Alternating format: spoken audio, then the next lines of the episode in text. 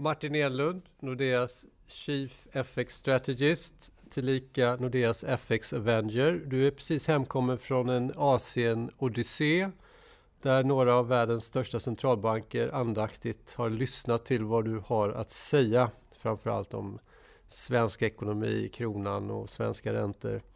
Vad har du med dig för intryck tillbaka därifrån? Eh, vad säger de eventuellt om världen? Vad gör finanskapitalet i Asien med sina valutareserver och sin kassa?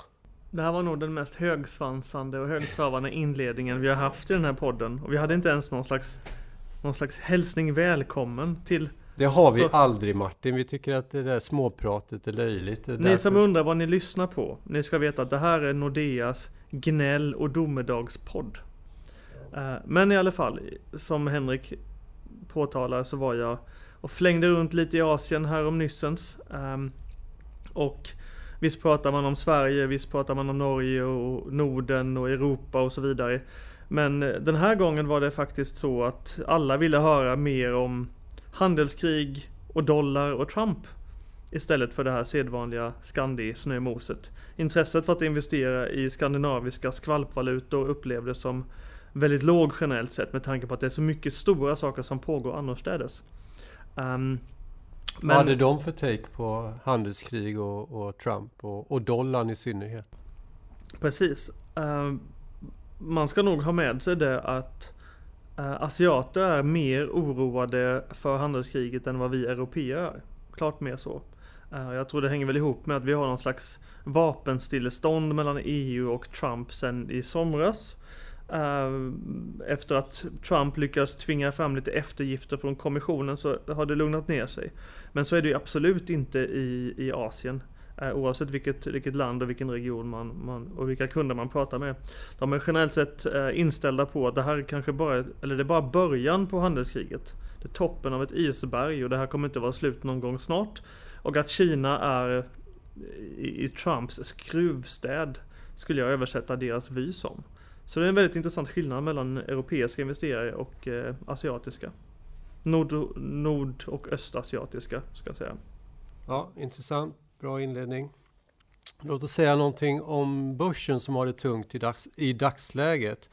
Och, eh, vi har skrivit i åtaliga publikationer och så sent som i förra veckan så skrev jag någonting som heter Derivatbladet att globala trender enligt Nordea har vänt sedan en tid tillbaka. Vad har vi lämnat bakom oss? Vi har lämnat bakom oss peak tillväxt, peak företagsvinster, peak centralbanksstimulanser och eventuellt peak globalisering och Kina.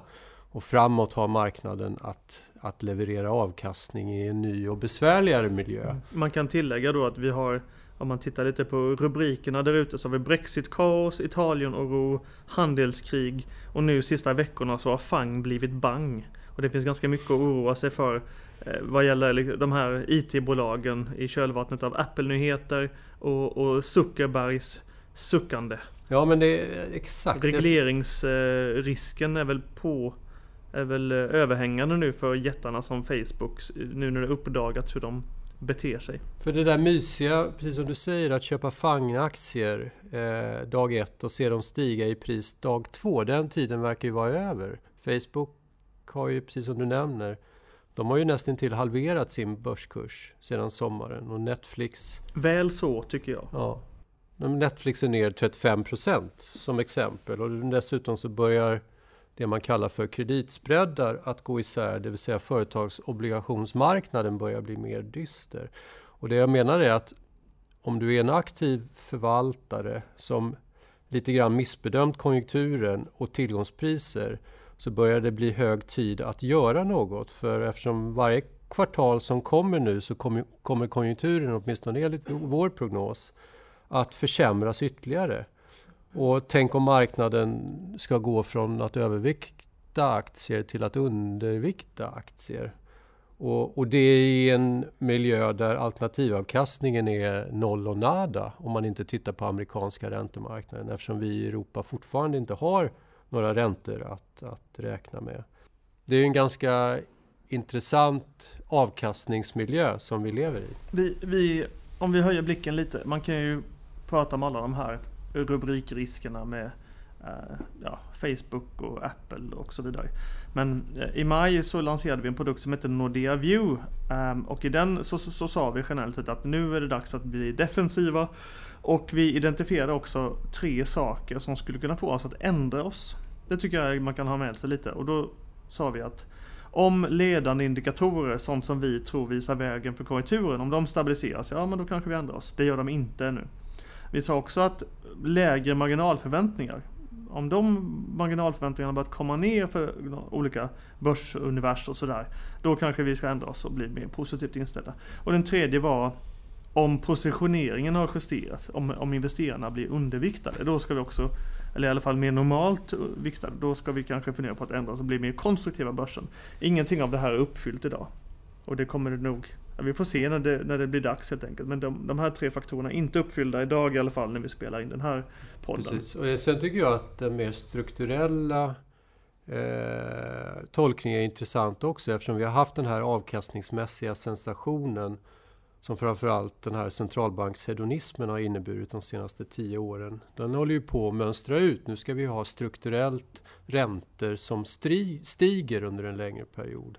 Eh, samtidigt då som börsvärderingarna lite grann har, bär den gamla tidsdräkten med, med fläden från, från förr.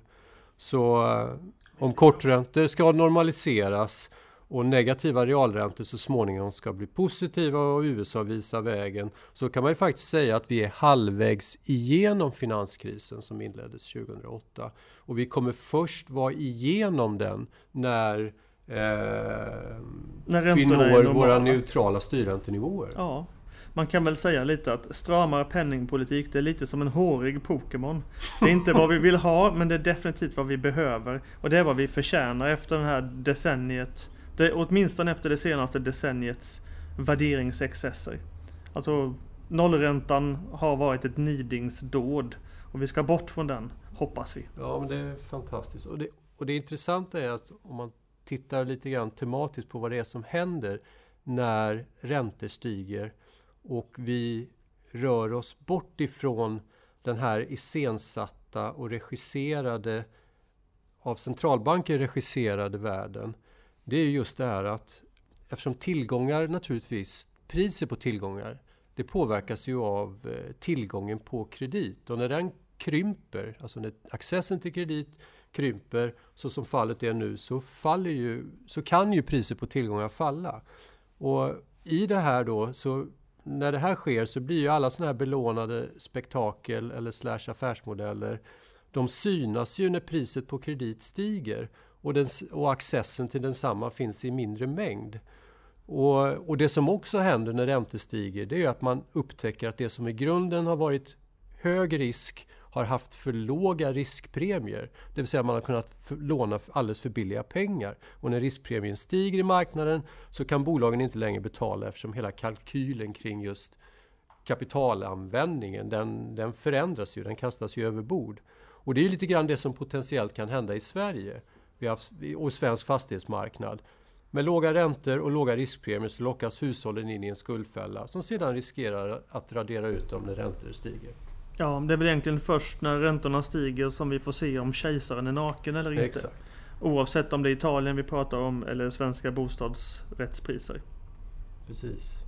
Men lite grann om den där respiten att även om tillgångspriser nu faller så gör inte amerikanska tioåringen det inte, särskilt, inte särskilt mycket nej. nej. Och det handlar ju om att, att eh, än så länge verkar det som att amerikanska centralbanken är sugen på att höja räntan och att den inte är särskilt orolig och att den snarast välkomnar lite börsstök än blir nervös av det. Det kan ju förändras och i så fall skulle räntorna någon gång under 2019 kanske kunna komma ner igen. Men då attackeras ju E i PE av, från två håll.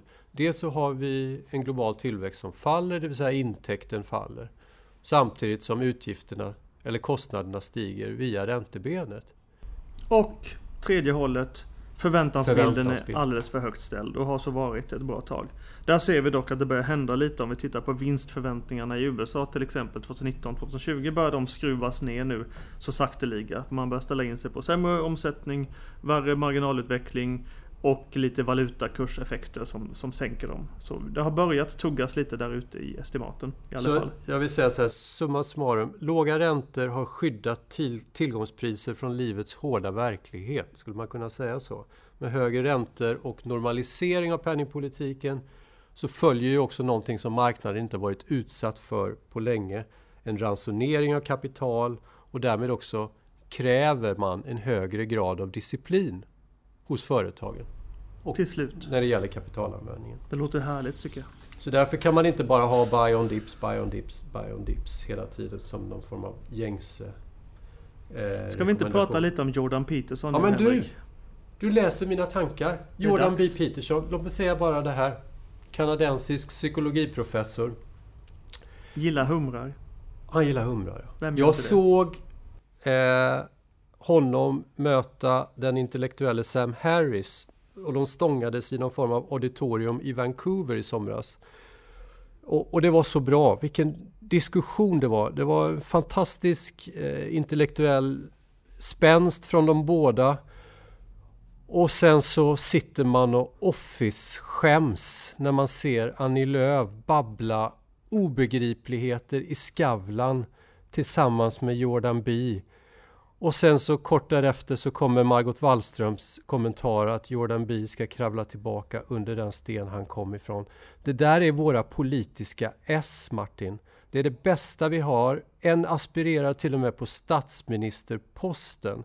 Och i mitt fall var min upprördhet, det handlar inte om att man, kan ha, att man har olika åsikter, det kan man självfallet ha, utan det är ju det här för, förutsägbara, det massproducerade, biodynamiskt odlade åsikterna, så plumpt och dåligt formulerade.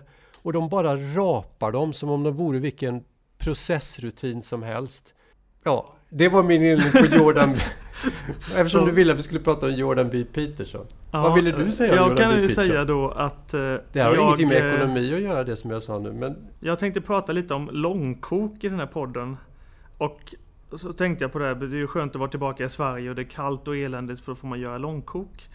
Och då kom jag på att den här svenska sonderingsprocessen, det är ju ett jäkla långkok som aldrig tar slut. Och jag googlade faktiskt sonderingsprocessen med tanke på vad du sa om, om Margot Wallström och Annie Lööf. Och det intressanta var att Google föreslog att jag menade saneringsprocessen.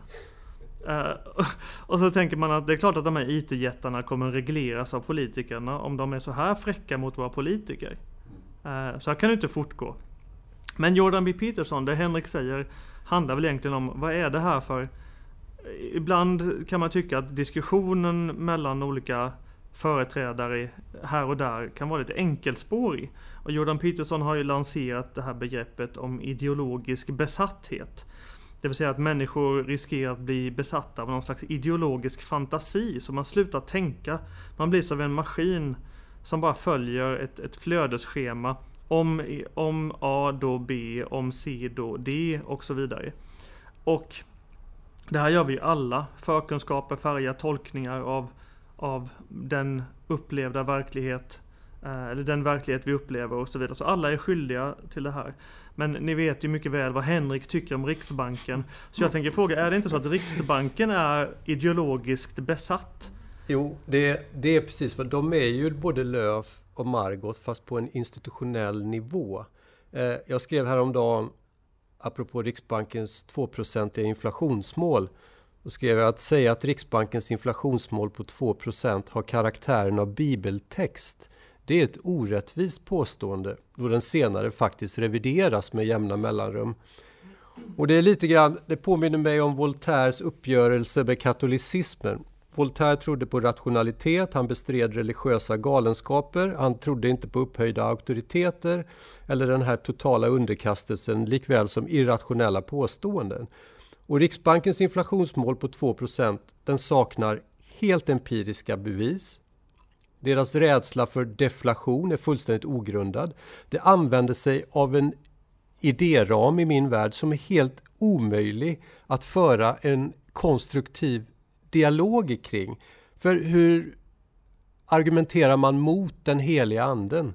Eh, varför vägrar de se att ekonomins funktionssätt har förändrats? De vägrar disku diskutera den globala låginflations klimatmiljöns påverkan på till exempel svensk inflation. De vägrar diskutera på vilket sätt 2, 2 inflation är så mycket bättre än till exempel 1,5 procent. Och vad den halva procenten i så fall kostar i termer av, av Förklar, Förklaringen till det här är egentligen att, att om man ägnat hela sitt liv åt realräntorna i, i ISLM-modellen då kommer man år efter år så blir det allt svårare att inse att modellen har brister för modellen blir en del av ens personlighet. Exakt. Och det är det som är problemet med mycket av den centralbankspolitik som vi ser inte bara i Sverige utan runt om i världen. Um, Freud skulle säga att superegot har spårat ut och helt dominerar id antagligen. Någonting sånt.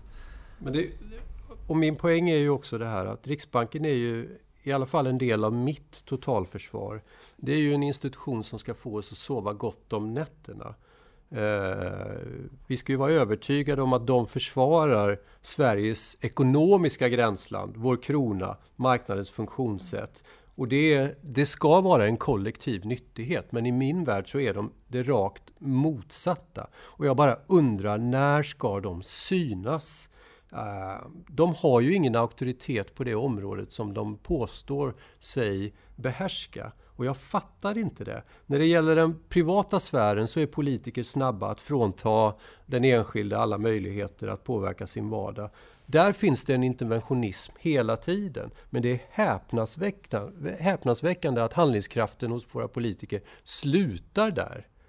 Varför ifrågasätter inte finansutskottet Riksbankens motiv, deras resultat eller innehållet i deras verksamhet? Ja, kan man ju fråga sig. Jag tror inte vi vill att de ska göra det om man funderar på alternativen. För i min värld så vi har ett samhällskontrakt. Jag och Riksbanken har kommit överens om att det här ska kronan vara värd. De blåser mig på mina pengar genom att ständigt försämra eh, penningvärdet på kronan. Väl så. Mm. Eh, en Plus, sak ja. som, vi har, som vi har diskuterat här på sistone är det här med skulddominans. Um, Stefan Ingves varnade 2013 att, att det är väldigt viktigt att vi ska förhindra att skulderna växer för fort i ett land. För om de växer för fort så skapar det oro kring den ekonomiska politiken. Hur ska man kunna liksom dämpa en skulduppbyggnad utan att det blir någon slags kraschlandning?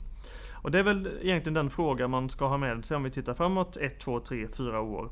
Är inte Riksbanken skulddominerad? Hur ska den komma ur den ränterävsax man har satt sig själv i? Um, och här har vi suttit och lusläst, jag och Henrik, Norges Banks senaste idéer. För det roliga med Norges Bank är att det är förvisso ett, det är ett brodersland, de har en oljereserv så det skiljer sig lite mot, mot svensk konjunktur och så vidare. Men de för räntepolitiken väldigt, väldigt annorlunda mot Riksbanken. De sänker inte räntan till minus 50, de sänker inte i botten och när de tycker att ja, nu är det dags att höja, så höjer de. Och de är inte livrädda för, de är inte livrädda för sin egen skugga. Uh, och det Norges Bank dock gjorde nu på slutet i september var att de höjde räntan. Och då tänker man sig, eller Riksbanken skulle trott att herregud, vi vågar inte höja räntan, tänk om kronan stärks 10%. Norges Bank lyckades med att höja räntan och kronan tappade istället ungefär 1%. Så det kan ju bli att, att Riksbanken borde göra något liknande. Och nyckeln här för Riksbanken att komma ur sin skuldfälla är väl att den ska höja väldigt mjukt och vara lite nervös för effekterna på hushållen. Efter att den har dragit räntepolitiken så långt. Den här, det här nidingsdådet vi har varit med om de sista fem åren. Ja, precis. Och vi har ju precis släppt en rapport där vi pratar om hushållens känslighet. Som vi har byggt in i och med skulduppbyggnaden för stigande räntor. Ja. Och den är ju väl värd att läsa. den är väl värd att läsa, ja. ja. Man kan gå in på Nordea Markets hemsida nexus.nordea och hämta den där och läsa den betraktelsen. Ja, kolla efter debt dominance, skulddominans på engelska helt enkelt. Så konjunkturindikatorer pekar ner, men även i Europa så ser det ju pekar ner för världen och i Europa i synnerhet skulle jag vilja säga. Um, det är brunt. Ja, det ser, ser tämligen... Och, och det intressanta är att om vi backar bandet till kanske april maj 2018 så kunde man läsa från ECBs sida när i takt med att ekonomin realiserade sämre data under det första kvartalet än förväntat ehm, då lyfte ECB fram olika temporära effekter som den troliga orsaken till varför det var på det viset. Man, man eh, lyfte fram det kalla vädret, den kalla vintern som en orsak. Andra övergående faktorer var influensan, det vill säga att antalet arbetade timmar föll. Påsken, påsken inföll ja. på ett olyckligt sätt. Samt några strejker. Kan verkligen påsken infalla olyckligt? ja. Det låter ju rätt absurt. Men, men slutsatsen blev från ECBs sida att de här nämnda farthindrens tillfälliga karaktär då skulle resultera i att eh, data skulle studsa tillbaka så småningom. Men det har den inte gjort. Jag tycker bara som en metabetraktelse att man ska som människa alltid ha massa modeller. Och sen ska man luta sig mot de modellerna som faktiskt funkar. Det är inte svårare än så. Kör massa modeller. Om någon modell verkar funka så luta sig lite mer mot den tills en annan modell verkar funka bättre. Och problemet med ECB är att den har varit de har varit otroligt överraskade hela året. Men vi har ett par enkla modeller på Nordea som har förutspått verkligen att Europa ska gå kräftgång. Och den enklaste av de enkla modellerna är vad euron gjorde förra året. Euron stärktes påtagligt mot massor valutor inklusive mot kronan och mot dollarn. Och med viss fördröjning, 10 månader, så skickade ner inköpschefsindex och allting blir sämre. Mm. Så det är inte så svårt. Man behöver inte hitta på massa grejer som Peter Pratt, chefekonom för ECB, har gjort på sistone.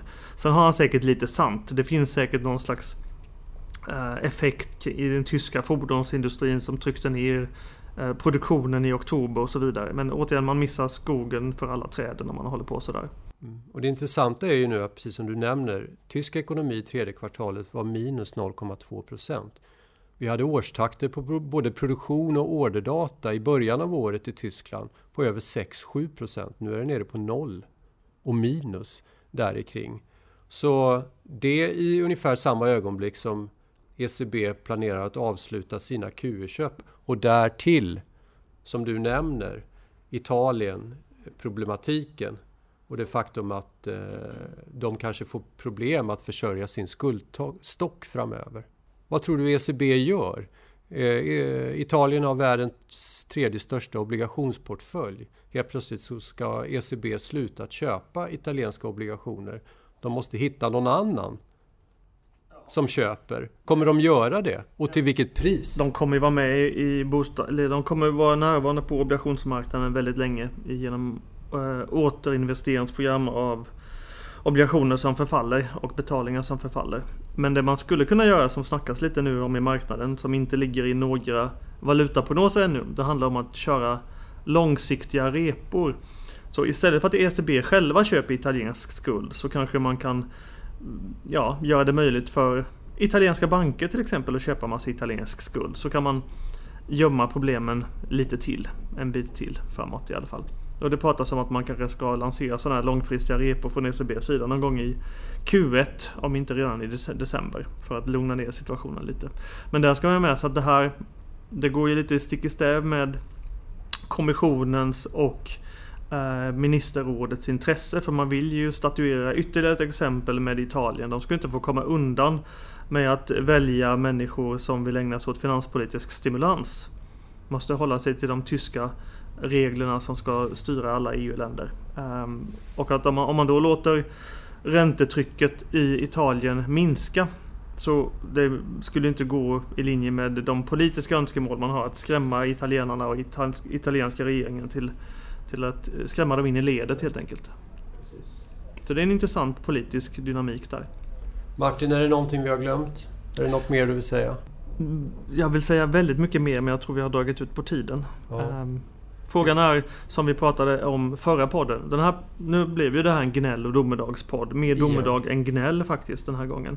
Men det finns ju sätt, massa saker som kan hända som är positiva. Um, och den ena som man bara ska flagga lite för så här i det korta. Det är Tänk om de här konsensus eh, i Asien har fel. Tänk om G20-mötet i Buenos Aires faktiskt kan leda till lite respit på handelskrigsfronten. I slutet på månaden? Ja, det blev fred mellan Trump och Mexiko. Det blev fred mellan Trump och eh, Kanada. Det har blivit någon slags fred mellan Trump och Europa. Kan det bli fred mellan Trump och Kina? Skulle det bli det så är det en gigantisk överraskning, speciellt med tanke på vad som hände på APEC-mötet häromveckan. Men man vet inte med Trump. Kanske är det så att Pence är den elaka polisen och Trump ska vara den goda polisen när han träffar Xi Jinping. Um, det är en intressant spaning. En annan intressant spaning som vi väl hoppas på, jag och Henrik, det är att eh, den här eh, penningpolitiken vi har i ryggen tio år tillbaka, den är inte särskilt produktiv och vi hoppas väl lite att den ska kunna ersättas av finanspolitik. Men då vill det ju till att tyskarna slutar dominera EU om vi ska ha någon glädje av det i Europa nästa år. Då måste det ju till att, att Merkel och andra eh, krafter som bara vill spara och amortera hela tiden, att de får stå vid sidan lite för att låta ja, finanspolitiska kranarna ta över lite. Positiv ton. Jag tycker vi slutar där Martin. För en gångs skull. Mm. Tack ska du ha. Música